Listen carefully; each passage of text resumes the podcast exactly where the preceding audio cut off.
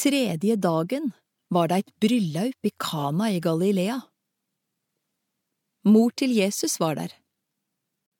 Også Jesus og læresveinene hans var bedende. Da det var slutt på vinen, sa Jesu mor til han, De har ikke mer vin.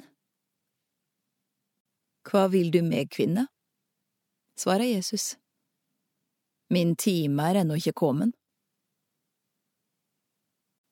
Da sa mor hans til tjenerne, Det han sier dykk, skal det gjøre.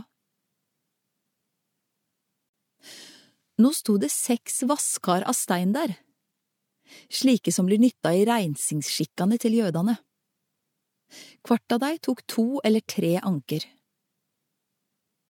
Fyll kara med vatn, sa Jesus, og tjenerne fylde dei til randa. Så sa han til deg. Aus nå opp og bær det til kjøgemeisteren. Det gjorde dei. Kjøgemeisteren smaka på vatnet, som hadde vorte til vin. Han visste ikke hvor vinen kom fra, men tjenerne som hadde aust opp vatnet, visste det.